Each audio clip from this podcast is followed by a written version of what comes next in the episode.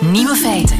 Dag en welkom bij de podcast van Nieuwe Feiten van 15 mei 2020. In het nieuws vandaag dat paspoppen kunnen helpen tegen corona. Paspoppen inderdaad.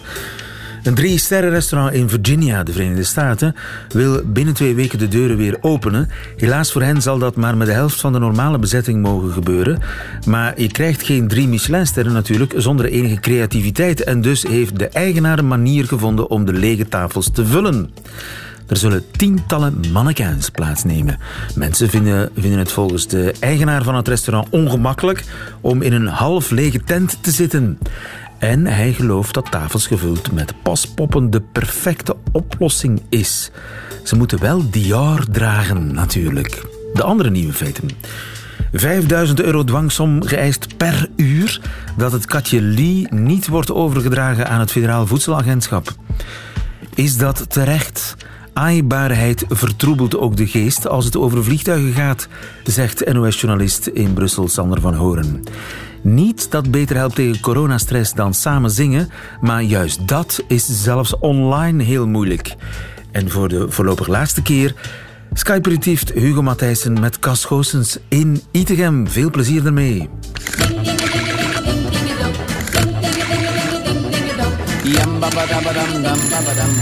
Nieuwe feiten. Over twee weken bezegelt de rechter het lot van Lee. Lee is het katje waar iedereen het vandaag over heeft. Een poes die door een vrouw uit Stabroek uit Peru naar België is gebracht. Het Federaal Voedselagentschap wil het dier nu laten inslapen, euthanaseren, omdat het mogelijk besmet is met hondsdolheid, een ziekte die gevaarlijk is voor mens en dier. Lee is op 24 maart in Peru gevaccineerd tegen hondsdolheid, maar dat is voor het voedselagentschap niet genoeg. Dat eist nu een dwangsom van 5000 euro per uur dat het katje niet aan hen wordt overgedragen. 5000 euro per uur. Steven van Gucht, goedemiddag. Goedemiddag. Van eh, CN Sano, we kennen u als uh, ja, de coronaspecialist, maar u bent eigenlijk dokter in de diergeneeskunde. Ja, en in een uh, ander leven ben ik ook uh, specialist van rabies of hondsdolheid. Dus ik heb u veel bent hondsdolheidsspecialist, dus we zijn eigenlijk ja. bij u aan het goede adres. Het Federaal Voedselagentschap wil Lee laten inslapen. Hebben ze gelijk? Wel ja, ze volgen eigenlijk de procedures. Hè. Dat zijn niet alleen Belgische procedures, maar dat zijn, dat zijn procedures van binnen de Europese Unie. Uh, die stellen dat wanneer een dier geïmporteerd wordt uit een risicoland en wanneer dat niet volgens de regels gebeurt, ja, dan, uh, dan kan zo'n dier geëuthanaseerd worden. Dus dat is eigenlijk wel de normale procedure. De normale procedure en is er geen enkele andere oplossing mogelijk? Minister Ben Weits die hoopt op een ja, een, een quarantaine in Zaventem in een gloednieuwe instelling? Wel, bij mijn weten is die structuur niet aanwezig in België. We hebben dat in het verleden eigenlijk ook niet kunnen doen. Uh, Zo'n quarantainestructuur ja, zou heel duur zijn en die is niet voorhanden. Er is een alternatieve procedure die hier jammer genoeg niet gevolgd is. Hè. Dat wil zeggen dat het dier eigenlijk had moeten gevaccineerd zijn in het land van herkomst. Dan een maand later had er een bloed moeten nemen, laten testen. En dan is er nog normaal gezien een wachtperiode van drie maanden. En pas vanaf dat moment kan het dier de Europese Unie uh, binnenkomen. Dat is een normale procedure. En ik begrijp dat het voedselagentschap daar moeilijk kan van afwijken, want als ze dat doen, dan zetten ze de poort open voor heel wat andere mensen uh, om dieren te gaan importeren. En dat zou echt een heel groot risico zijn. Niet alleen voor onze Belgische honden en katten, maar ook voor de eigenaars, voor de mensen. En we mogen niet vergeten, hier gaat het, we spreken hier over het meest dodelijke virus ter wereld. Dit is 100% dodelijk, zowel voor mens als Dus dat katje kan andere dieren besmetten, dat katje kan andere mensen besmetten met dat meest dodelijke virus. Klopt, klopt. Dat kunnen we niet uitsluiten.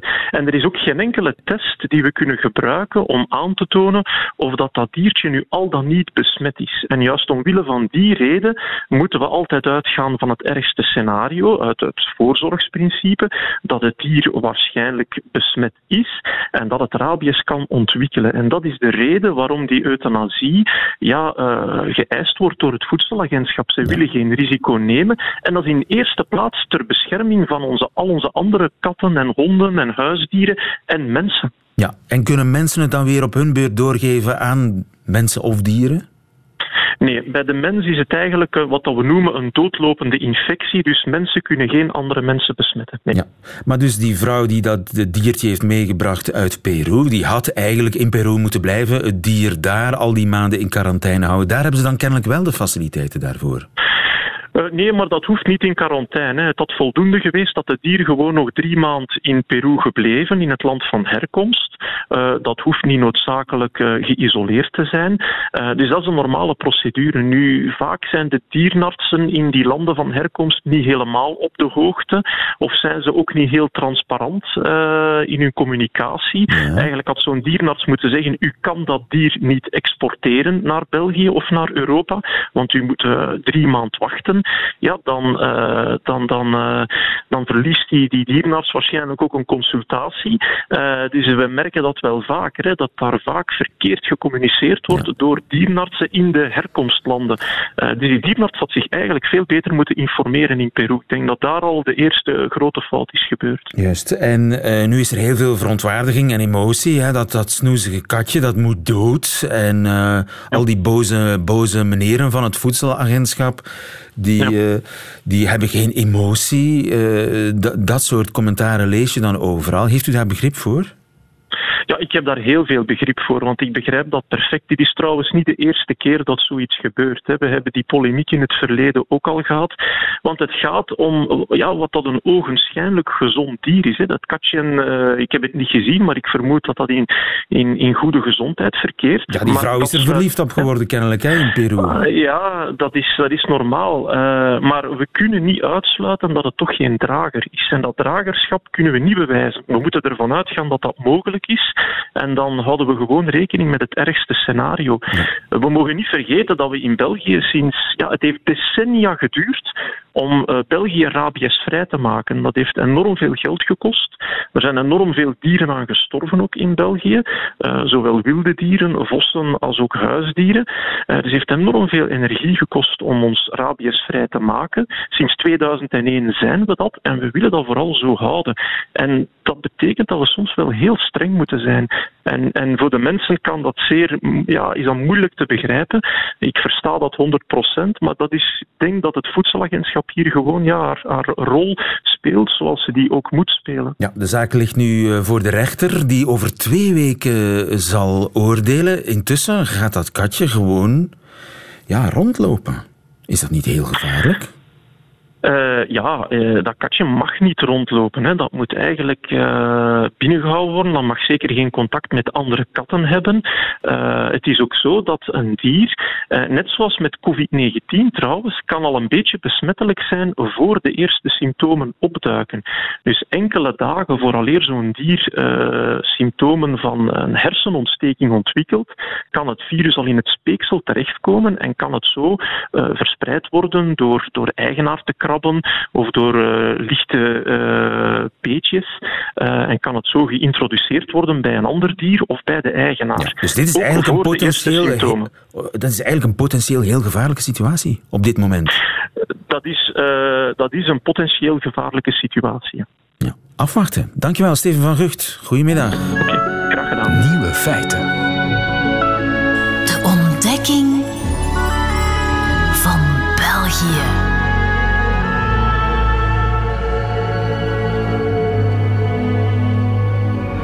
Dag Sander van Horen. Binnenkort een kattenkerkhof wellicht zelfs. ja, helaas. Oh, oh, oh. Helaas. Oh, daar komen... Daar komen daar Hij komen, bekent kleur.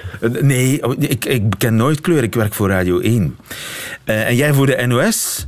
Jij bekent wel kleur, dat mag daar kennelijk. Of dat mag in elk geval bij ons. Want jij uh, bekijkt ons land door jouw Hollandse bril. Ja. Zijnde de correspondent voor de NOS in Brussel. Jij leert ons land langzaam maar zeker kennen. Op het einde van ons gesprek volgt een bikkelharde taalproef om te zien of jij het Vlaams wel voldoende beheerst. Wat is jou deze week opgevallen? Nou, vandaag eigenlijk. De, de, de, de, de verbindende factor is aaibaarheid. En dan kom je natuurlijk even bij het katje. Het was mijn eerste inburgerings eh, in België. Ik had namelijk ook twee katten. In Libanon. Oei. Alleen in tegenstelling tot de eigenaresse van Lee had ik mijn huiswerk wel gedaan. En wist ik dat er dus in verband met hondsdolheid een quarantaineperiode in het land van herkomst voor katten was.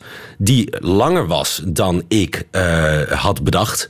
Dus ik had inderdaad dat Drie maanden of zo? Of Drie langer? maanden. Ja, ja. Dus wat ik heb gedaan is eh, inderdaad dat niet lang genoeg van tevoren gedaan in Libanon. Dat eh, inenting en, en bloed opsturen, et cetera.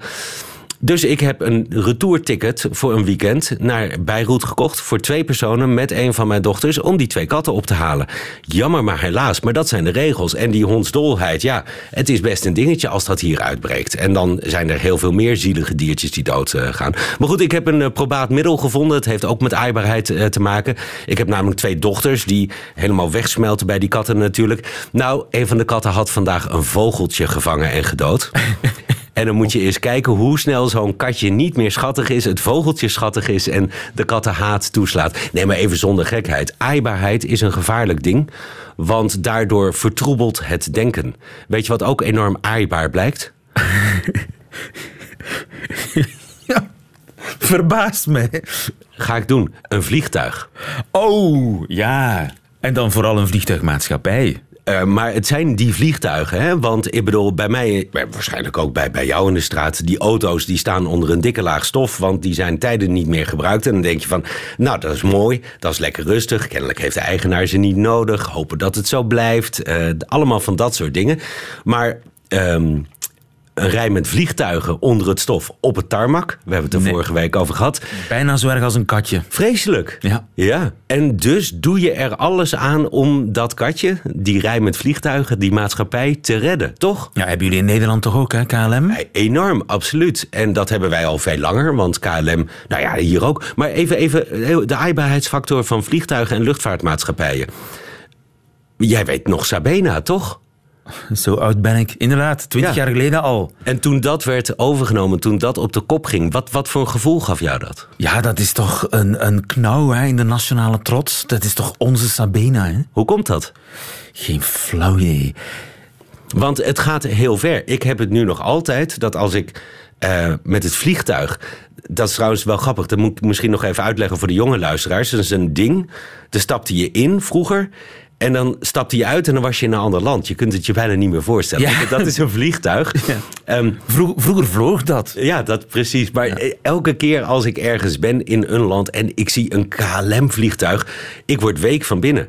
Ja. Want. Dat, dat is een stukje van mij. Maar dat, dat, dat is heel ambigu eigenlijk. Want uh, ik had het ook toen ik uh, nog heel veel in Egypte werkte in uh, moeilijke omstandigheden. En ik vloog terug naar Libanon. Dan zag ik Middle East Airlines, hè, de Libanese luchtvaartmaatschappij. Zag ik aan de pier staan, aan de gate. En ik werd warm van binnen. Beschaving, thuis. Het is dat soort rare associaties heb je dus Niet bij. onbelangrijk. Het, het, lijken maar emoties, maar dat is, speelt een grote rol. Want je wil ook niet dat uh, Zaventem op termijn een soort Charleroi wordt... waar alleen de Wizz Airs, de Ryanairs en de EasyJets van deze wereld aan de gates uh, staan. Want het, het, het is ook een, een, een, het idee van wij Belgen of Nederlanders of Libanezen... wij reizen over de wereld en doen dat met onze eigen maatschappij. Dat zit erbij heb je ook nog het economische argument, wat ook heel erg vervuild raakt. Hè? Want de banenmotor Zaventem, de banenmotor Schiphol. Ik bedoel, het argument is bij ons uh, natuurlijk net zo sterk als hier in België. Ja, maar er is wel een groot verschil tussen de luchthaven en de luchtmaatschappij natuurlijk. Ja, en dus is het idee is dat een home carrier, ja, dus home een, carrier, een, thuismaatschappij, ja. die draagt enorm bij aan de werkgelegenheid op zo'n uh, uh, vliegveld. Maar ik bedoel, in Nederland heb je de discussie altijd tussen, ja, maar wat is nou de echte banenmotor van Nederland? Is dat Schiphol of KLM? De, nee, of de haven van Rotterdam. Oh ja, oké, okay, nee. Wat gaat is daar geen discussie over. Antwerpen is belangrijker dan, dan de luchthaven. Maar dan kan je toch wel andere dingen uh, bedenken om je geld aan uit te geven. Maar dat vertroebelt dus de aaibaarheidsfactor van vliegtuigen. Volgens mij vertroebelt het heel ja, erg. Maar en is er een verschil tussen de problemen die de Nederlandse regering uh, heeft en de, de, de, Belgische regering? Nou, een heel groot en belangrijk KLM verschil. KLM is nog voor een deel in staatshanden? Nou, voor een groter deel eigenlijk tegenwoordig. Omdat uh, wij natuurlijk de KLM uh, hebben laten fuseren met Air France. Maar ehm, dat is een, een, een, vechthuwelijk eigenlijk. En uh, ik zeg nog meer eigenlijk dan voorheen is het in staatshandel. Omdat onze minister van Financiën, Wopke Hoekstra, op een gegeven moment tegen de zin van de Fransen in uh, aandelen heeft opgekocht van uh, KLM Air France, van de holdingmaatschappij, om meer zeggenschap te krijgen. En die zeggenschap, ja, dat is natuurlijk de verbindende factor. Wij strijden, in feite wij Nederlanders, strijden in feite tegen Frankrijk om zeggenschap, om waar gaat het geld naartoe. Nou, je zag het ook met de steun voor uh, KLM. 2 tot 4 miljard, ergens een soort bandbreedte. Het moet allemaal nog uitgewerkt worden omdat Hoekstra, onze minister van Financiën, zich uh, genoodzaakt zag om iets te doen. Omdat de Fransen hem eigenlijk voor waren. Dus wij zitten in die strijd. En dat is een hele andere strijd natuurlijk dan Brussels Airlines. Ja. De topman van CEO, de CEO van Lufthansa zit vandaag tegenover de uh, federaal premier. En dat maar de federale premier kan eigenlijk, uh, heeft, heeft veel slechtere kaarten dan ja. Opke Hoekstra. Want hij heeft zeggenschap nul. Ja, nou ja, precies. Zij heeft De maatschappij uh, Brussels Airlines precies. is volledig in, in handen, handen van Lufthansa. Lufthansa. Ja.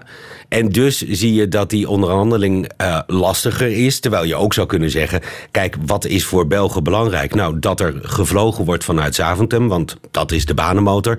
En dat Belgen die ergens naartoe willen, als het te zijn tijd ooit weer eens een keer mogelijk is, dat dat dan kan zonder dat je hoeft over te stappen in, in Frankfurt of Amsterdam of in Parijs als dat met zonder uh, Brussels Airlines kan, wat maakt het uit? En moet je daar dus nu heel veel geld voor betalen, waarvan je dus niet zeker weet hoe dat besteed gaat worden? Dat is een dilemma wat dus nu eigenlijk overal geldt. Hè? Want Lufthansa die zit morgen aan tafel met Duitsland, overmorgen met Zwitserland met hetzelfde verhaal. Dus België staat hierin niet alleen. Alleen die discussie die is vervuild en ik begrijp hem, want uiteindelijk een vliegtuig het is aaibaar en in die zin is het net een katje of een net door de kat vermoord vogeltje.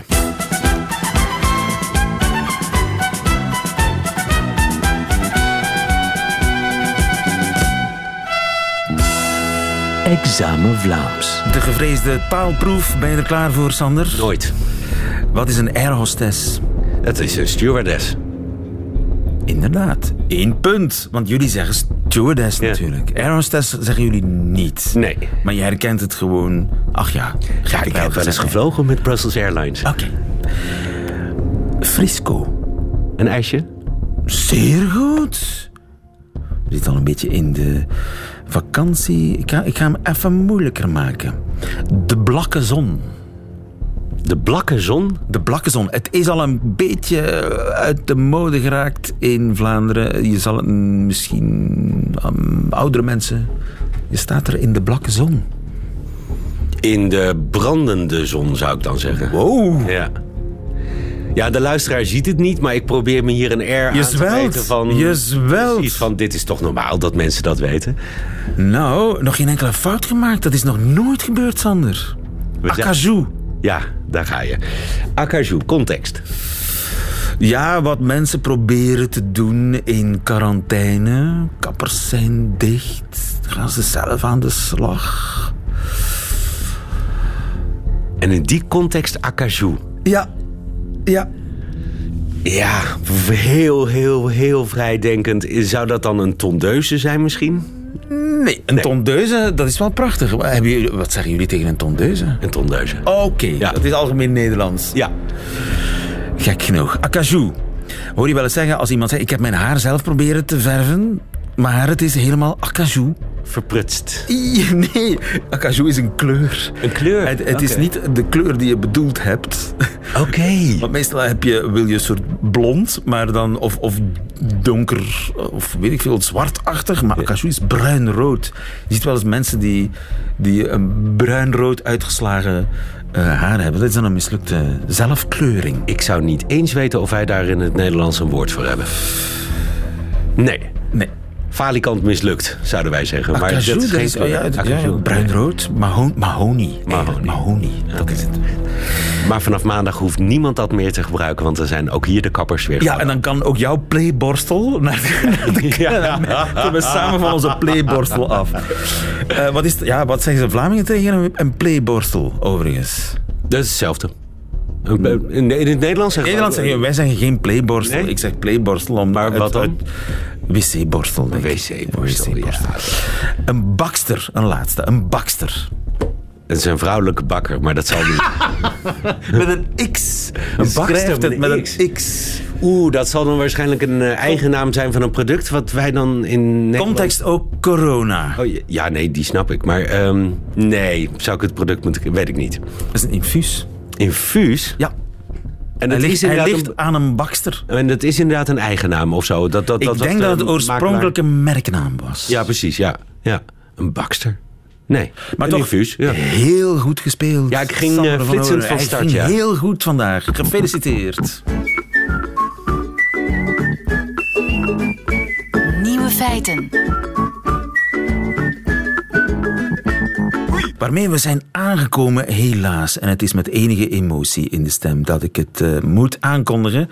De allerlaatste aflevering van de Itegemse Corona-chroniek. Ja, de kinderen mogen terug naar school. We gaan weer een stapje dichter bij het nieuwe normaal. Dus moeten we afscheid nemen van Cas. Voor de allerlaatste keer gaat Hugo Matthijssen in Leugenpaleis-stijl online op de aperitief bij de voormalige CEO van de VRT in Itegem. Luisteraars van Radio 1, welkom bij de Etigemse corona-rubriek. Dan Hugo's, hè? Dag meneer Goossens, hoe gaat het met u? Ja, goed, Matthijs, is heel goed zelfs. We zijn er even tussenuit geweest de voorbije dagen. Als meen ik dat thee teugt aan mij. Ah ja, zijn jullie gaan winkelen? Nee, winkelen, nee, nee, Matthijs, wel zijn niet zot, wel zijn naar de zee geweest. Eigenlijk mag dat niet, hè? Wacht, Matthijs, ik kan beginnen met het begin, Ja. want het einde dat ken al. Dus wel, we zijn de zee geweest. Het begin dus, dat was toevallig ook het begin van de week. Hè. Ja, hoe begin kan een begin zijn, zulde zeggen, maar dat heb ik zelf al gezegd. Dus waar waren we gebleven? Eh, bij het begin. Ja, het begin van de week stond er ineens een ambulance op de oprit van... Ik weet nou niet dat die naam iets zei, maar van, van de dingen. eh, de Lange Charles. Ah ja, uw buurman. Ja, ja, den die. Ja, ja. ik dacht, oei, oei, het zal toch niet waar zijn, want die mens die is al in de 90, dus die zit bij de Ricotto-groep verstonden. En ons Mia, die was al helemaal over toeren en die van, oh, Gerrit, met die lange Charles, die mens enzovoort. Enfin, ik kon eens kijken naar het slachtoffer om hem een les te groot te geven, want in die kliniek, moet je niet gaan bezoeken met thuis. Ik kon dus kijken en ik zie die lange Charles achter het stuur van een ambulance zitten. Ah, is eh, Charles ambulancier geworden? Bob Lange niet helemaal niet. Ja, die die zei, ik moet eens duidelijk kast wat ik hem gekocht. Ja? Dat was Matthijs. Een mobiloom. En met wat spuitbussen en wat plakletters had hem er een ambulance van gemaakt. Ah ja, om het medisch personeel bij te staan. Nee! Omdat een ambulance overal mag passeren. Dus de Charles die zei tegen ons, stapt in, wel rijden naar de zee. Ah, ja, Als meer, die ja, pakt rapper badkostuum en zo en wel weg naar Den Haan. Ah, ja. Matthijs, wel waren nog maar juist aan de afrit van de autostraat. En er stonden al tientallen politie, maar die salueerden allemaal heel vriendelijk en wel mocht de deur. En de Charles die reed ineens naar de zeedijk. En die sprak de onsterfelijke woorden... We gaan eerst een wafel eten Ja. en dan wat trappisten drinken. Ja, ja, en dat ging vlot, want er stond op plakkaat enkel hulpdiensten toegelaten. Ja. Maar wat hij wel er aangetroffen hebben, Matthijs, is dat god niet geloven. Ah, nee, wat, wat troffen jullie daar dan aan? Er stonden misschien wel 40 ambulances. De Charles was duidelijk niet de enige die op dat idee was gekomen. Ah, ja. En de politie stond er vol een bak iedereen op te schrijven, want er stond wat tussen Matthijs. Een Ford Fiesta die rap rap was omgebouwd tot een ambulance. Dat was weinig geloofwaardig natuurlijk. nee, nee, Zelfs een West-Vlaming trapt daar niet in. Ja. En dan komt er zo'n politie naar ons en die kijkt zo eens binnen in onze ambulance en die ziet er een kookhoek en een salonnetje ja. en draaislaapmogelijkheden. Ons Mia die begon al te snikken van sorry meneer de politie, we zullen het nooit niet meer doen. En zo. Maar toen deed de Charles een gewaagde. Ja, ja. Die vroeg, meneer de politie, Ja. mag ik even naam en uw adres? Eh, aan die agent. Ja. En die politie die was totaal verbabbereerd en die zei, eh, Van de Wallen, uit Jabbeke. En dan zei de Charles, hmm, Van de Wallen. Die naam komt me bekend voor. Een momentje. Die Charles die pakt zo zijn papier wat van de rot in de begint er zo wat in te roemelen. Je klinkt van, ja, ja, ik dacht het al. Van de Wallen uit Jabbeke. Meneer Van de Wallen, wij zijn het corona-opsporingsteam. U bent in contact geweest met een besmetteling, zie ik. U moet 14 dagen in quarantaine, mocht dat geweest zijn, nog een prettige dag en geen Javel drinken. Ja. die Van de Wallen was voetzien natuurlijk. En die andere flikken die dachten, die ambulance is al gecontroleerd door de Van de Wallen, dus dat zal wel in orde zijn. Maar dan kwam de grote opgave, Matthijs. Eh, welke grote opgave? Een wafel gaan eten, Matthijs. Alles was er dicht, hè. dus de Charles zei, zullen we maar terugrijden of wat, gaan we Ja. doen? Maar ik zei, wacht Charles. Ja. Het Edegemse intellect heeft zijn eigen niet zomaar gewonnen. Dus ik liep naar zo'n brasserie op de dijk, ik bonk op die deur en ik roep, wel eens een van het commentaar van de exit uit de corona. Open doen, alstublieft. En er deed een vriendelijke madame open. En ik zei, madame, eens een van de exit-strategie. Willen niet zien hoe dat jij in de toekomst wafels denkt te gaan serveren. Draai, alsjeblieft. En dan mag een bolletje vanille bij en twee trappisten en een porto voor ons Mia. Ja. Matthijs, wij werden van op een sociaal disponibele afstand behandeld als koning. Ah ja, en hoe waren de wafels? Goeie wafels aan mij. En dan hebben we wel ieder nog een trappistje of twee gedronken met een garnaalkroket bij. En toen dat tijd weer om te betalen, zei de Charlotte, de uitbaatster... U krijgt weldra een attest in de bus, madame. Dat is dan 250 euro voor de dossierkosten in de naft. Oh, oh. Cash te betalen, zodat wij het geld kunnen ontsmetten. Ja, ja, dat is toch wel een beetje... Ja, dat weet ik, Matthijs. Maar de Charles zei tegen mij, als we dat geld niet vragen, dan vallen we misschien door de mand. Ja. Ondertussen wist heel de plotselinge middenstand al dat dat commentaar van de exit-strategie zijn een tour deed. Dus wel, dat kostte niet anders dan links en rechts nog een keerskrokje te gaan eten of, of, of een krok Ja. of een stuk chocolade. Wel, dat kostte. Na een paar uur waren we wel totaal verboefd met thuis en ook een beetje wankel van te veel trappisten. Dus wel terug naar die ambulance. Ja. En daar hadden we wel een onderniefteprobleem. Ah ja? Ja, daar stond weer een andere flik. Oei. Deze keer een vrouw die had door het gezien dat onze ambulance eigenlijk een verbouwde mobile home was. Ja, ja. En die stond al meer handboeien te wapperen met Thijsens. En die keek heel kwaad. En een vrouw die kwaad is, maar Thijsens, daar moet je heel voorzichtig mee zijn. Hè? Ja, ja, en toen heeft ons Mia ons gered. Met haar giftigste blik sinds juni 2012. Wat is er gebeurd in juni 2012? In juni 2012. Ja? Toen hadden we al een bescheiden tuinfeest met Thijsens, met een hapje en een drankje. Mhm. En een vriendin van ons meer die zei toen, allee, toosjes met tonijnsla en een cornichon op een prikkertje, dat is toch niet meer van deze tijd. En toen heeft ons meer dat wijf haar giftigste blik gegeven sinds januari 2005. Toen een pronte, alleenstaande dame van achter de hoek kwam vragen zou de kast mij niet kunnen helpen met het invullen van mijn belastingsbrief. Verstond je wat dat is? Ja, ja. Maar goed, terug naar de zee. Ons Mia zei dus tegen dat wij van de politie met haar giftigste blik sinds 2012. Madame, wij van het commentaar van de exit uit de corona moeten al eens een siesta kunnen doen. Nou, al dat eten en drinken, dat is professionalisme. Ja. En we moeten ook al eens kunnen overnachten. Vandaar die inrichting van onze ambulance. En het wordt tijd, madame de police, dat de coiffeurs terug open gaan. Want elk kapsel is niet om mee te lachen. Dat is eerder om mee te blijten. Ja. En zo zijn we dan nog drie dagen onder zee gebleven met Thijsens. En alles gratis en verniet. Dat deed deugd. Schone congé gaat sympathieke medestanders daar in Den Haag. Allee, tof. Zeg maar, nou iets helemaal anders.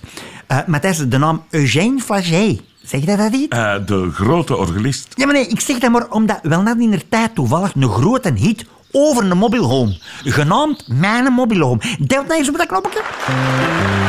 Come on, Eugène. Ik stond een keer met mijn nieuwe mobielom en mijn geliefde op een parking onder een beukenboom. We hadden nog maar pas verkering. Dat was dus een uitdaging voor die mobielhome zijn vering. En na afloop zijn mijn geliefde met een totaal voldane blik. De liefde in een mobielhome, dat geeft een extra kick. Ja, ja, het is nog niet gedaan. Een jurken later ik iets mee een Spaanse. En mijn mobielom stond op de beton te dansen. Ik stond geparkeerd aan het meer van Geneve. Ik dacht, oei oei, mijn vering gaat toch niet begeven. Maar nee, en daarna heeft die spunse kort gerokt en zwart gelokt. In de keuken van mijn mobielom een paella kleer gemokt. Oh, oh, ga beminde mobiel home. Voor een romanticus als ik, ik zit gaan en droom. Een bruidspit op wielen van plaatijzer en kroon. Leven de liefde in mijn mobiel home. Oh, oh, ga beminde mobiel home. Of dat nou in Lissabon is of Bergen op Zoom. Ik zet de tering van de liefde naar de van de vering naar de van mijn mobiel home. mijn mobiel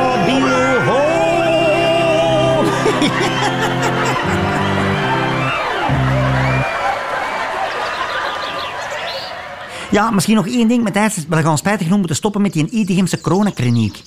Ja, dat is omdat ons Mia in de Charles en ik willen vertrekken Stevens met een ambulance naar de Côte d'Azur voor een munt. Ja, met alles roep in de ogen, moet dat verstaan. En vanuit die ambulance kunnen we wel niet skypen. Spijtig, Matthijs, spijtig. Maar, maar we zien elkaar nog wel op een Itegim's terrasje of zo, hè. Ja, ja, tot ziens en nog een prettige vakantie, meneer Goossens. Dankjewel. Doe jij de grote aan Lieve van den Hout? Dat zal ik doen. Dat is goed, man.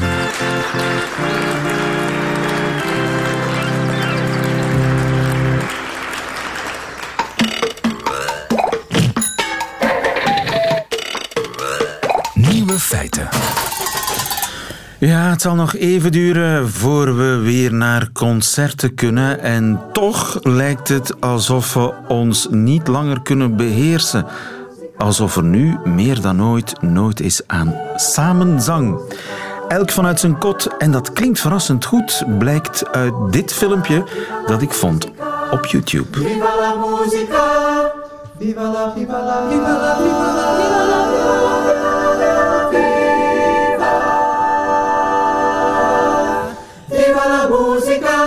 Een studentenkoor uit Gent. Goedemiddag, Anna. Goedemiddag, lieve. Anna Lauwaerts, jij zingt in... eh, jij bent een van de zangers die we net gehoord hebben. Ja, ja, ik ben sopraan bij Coromine. Coromine, zo heet jullie koor. En zongen jullie al voor de coronacrisis? Ja, ja, ja, ja. En toen sloeg was- de crisis toe en konden jullie niet meer zingen. Nee, ja, dan konden de repetities niet meer doorgaan en ons concert ook niet meer. Dus ja, En tegenwoordig kun je dus kennelijk samen zingen eh, en toch thuis blijven elk. Hoe gaat dat? Is, is dat een soort Zoom voor koren? nee, via Zoom gaat dat eigenlijk niet, omdat je te veel vertraging hebt op de internetverbinding. Dus hebben we er iets anders op moeten vinden. En eh, heeft een van onze bassen heeft zijn stukje eigenlijk zelf opgenomen en daar dan met een tik de maat op gezet. En dan heeft hij dat naar alle koorleden doorgestuurd en hebben wij op basis van die opname elk onze eigen stem ingezongen. En hij heeft dat dan allemaal samengezet tot één filmpje. Oh, het is dus geen live ervaring samen. Het is... eh, Nee, het is elk apart dat we zingen. En dan daarna wordt het allemaal samengezet tot één geheel. Ja, en dus jullie moeten eigenlijk eh, wachten tot het, eh, de crisis voorbij is om echt weer samen te zingen. Echt online samen zingen, dat gaat niet. Nee, dat gaat niet. Ik denk dat er sommige van ons koor het ook effectief al eens geprobeerd hebben met een paar om samen, te, ja, samen muziek te maken. Maar ja, dat gaat eigenlijk enkel als het echt heel trage liedjes zijn, lukt het nog net. Maar ja, bij de meeste liedjes zit er gewoon te veel vertraging op, waardoor ja, het samen zingen eigenlijk niet lukt. Ja. Ja. Henk-Jan Honing, goedemiddag. Goedemiddag. Je bent eh, hoogleraar cognitieve muziekwetenschap aan de Universiteit van eh, Amsterdam. Waarom willen mensen zo graag samen zingen in tijden van corona? Eh, ik, ik geloof simpelweg omdat mensen dat fijn vinden. En gezellig. En alle redenen die er die daar aan, eh, mee verbonden zijn, die, die met ja, menselijkheid dingen. eh, mensen vinden het fijn om met elkaar dingen te doen. En zingen is, is een soort intensieve vorm daarvan. Waar mensen, tenminste, ik heb lang geleden dat ik in een koor gezongen heb, maar mensen rapporteren nog steeds dat ze daar heel erg blij en gelukkig en ook rustig, eh, in deze tijden ook heel belangrijk, rustig en kalm van worden. Je wordt er rustig en kalm en vredig van, van samen zingen. Ja. En, en dat systeem dat door dat studentenkoor uit eh, Gent wordt eh, gebruikt om elk apart een track in te zingen, ja, dat is natuurlijk niet hetzelfde. Het is een grote frustratie, wat ik hoor van, van meerdere ensembles, dat, dat zeg maar, de technologie dat niet aan kan. Precies dat stuk van dat je synchroon tegelijkertijd eh, kan zingen. Dat, want dat is ook een van de, de manieren waarop we gaan begrijpen hoe dat werkt. Dus dat je synchroon met iemand anders iets doet, dat is deel van de, van de kick.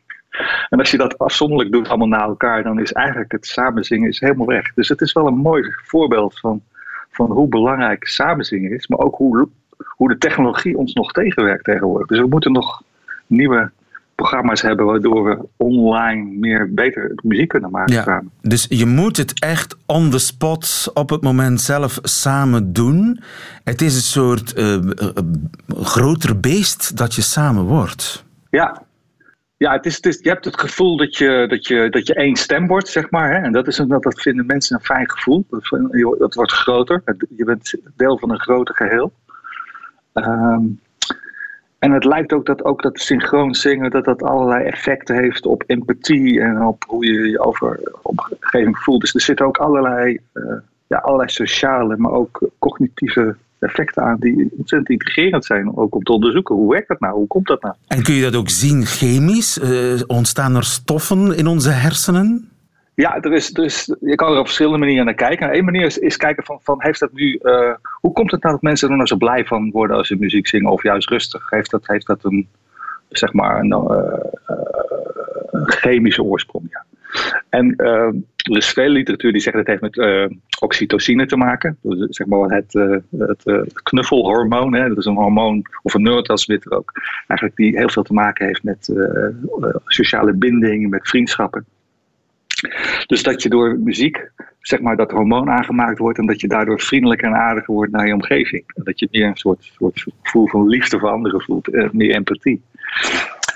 En er is een andere groep, precies tegenovergestelde, de endorfines, die ook aangemaakt worden. Dat zijn meer pijnstillende hormonen en neurotransmitters. Maar die hebben ook een, spelen ook een, zijn we aan het ontdekken, een hele belangrijke rol in welbevinden en in het gevoel van geluk. Dus het zijn twee soorten neurotransmitters, en er zijn er nog meer, dopamine, serotonine, die allemaal door muziek op een hele duidelijke manier aangesproken worden. En, uh, en dat is curieus. Dat betekent toch dat muziek kennelijk een ingang heeft op onze biologie en die biologie kan beïnvloeden op een manier waar wij dan als mensen ons voordeel mee doen. En mensen weten dat, hè, kennelijk. Ze doen het spontaan. Hè, die balkonconcerten die in Italië zijn uh, begonnen. Ik weet eigenlijk ja. niet of de Chinezen aan balkonconcerten hebben gedaan in Wuhan. Misschien is ik dat heb daar wel filmpjes van gezien hoor. Ja, Oh, ja. Ik geloof dat het wel een wereldwijd fenomeen Het is een wereldwijd mensen- fenomeen. Het, is iets, Ja, eh, het, ja, hoort, het hoort tot de oerkrachten van, van de mens. Eh, samen zingen eh, helpt ons om eh, problemen te, te beheersen en om ons rustig en vredig en gelukkig eh, te voelen. En dat eh, merk je in deze coronatijden dus meer dan ooit. Dankjewel, Henk-Jan Honing. En dankjewel, Anna Lauwaerts. Goedemiddag. Graag gedaan. Goedemiddag. Dat waren ze, de nieuwe feiten van eh, vrijdag 15 mei 2020.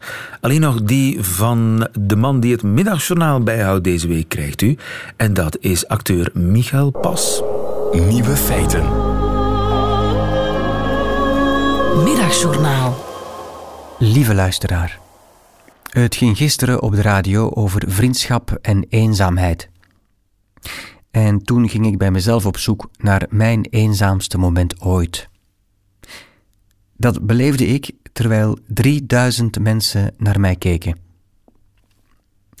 U moet weten, ik ben al heel mijn leven in het diepst van mijn gedachten eigenlijk een stierenvechter. De gratie, de doodsverachting, de roze kousen, de pathos, het gouden jasje, dat is allemaal mijn wereld. Maar een dier mishandelen wil ik niet, zelfs niet voor de kunst. Dus ben ik maar acteur geworden. Ook niet slecht. Maar één keer ben ik er heel dicht bij geweest. Eén keer viel ik bijna samen met mijn innerlijke torero. Op vakantie in Zuid-Frankrijk zag ik op een affiche jonge mannen in witte pakken. Ze renden naast stieren en plukten behendig linten van de horens. Gratie en elegantie zonder bloedvergieten. Daar moest ik bij zijn. Die avond trok ik quasi toevallig ook een witte broek en wit hemd aan, want stiekem wilde ik overkomen als een kenner. In de pauze vroeg de presentator vrijwilligers uit het publiek om een spel te spelen met een stiertje. Niet gevaarlijk, voor de fun. Zonder aarzelen stak ik mijn hand op. Dit was mijn kans om één keer in mijn leven in een echte arena te staan. We moesten plaatsnemen op de rand van een waterbassin, gemaakt van strobalen en plastic. Wie het langst kon blijven staan, was de winnaar. Daar stond ik, in mijn witte pak. Zeker van mezelf. Rustig ademen en niet bewegen. Zo simpel was het. Een poort schoof open en een beest van 200 kilo stoof de arena in en scheerde rakelings langs mij heen. Ik kon zijn zweet ruiken. Bij zijn tweede passage stootte hij me aan met zijn schouder. Ik wankelde achteruit en kwam tot aan mijn knieën in het water terecht. Tot groot jolijt van het publiek. Ik vond het niet meer leuk.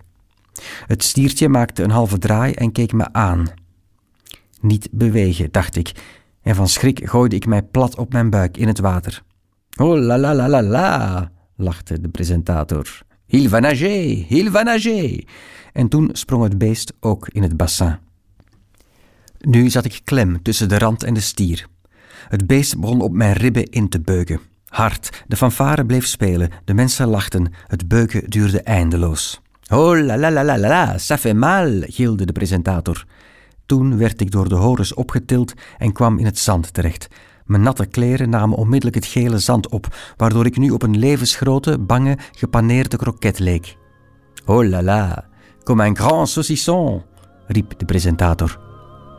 Dat, lieve luisteraar, was het eenzaamste moment van mijn leven. Dat en het lachsalvo van 3000 man dat erop volgde.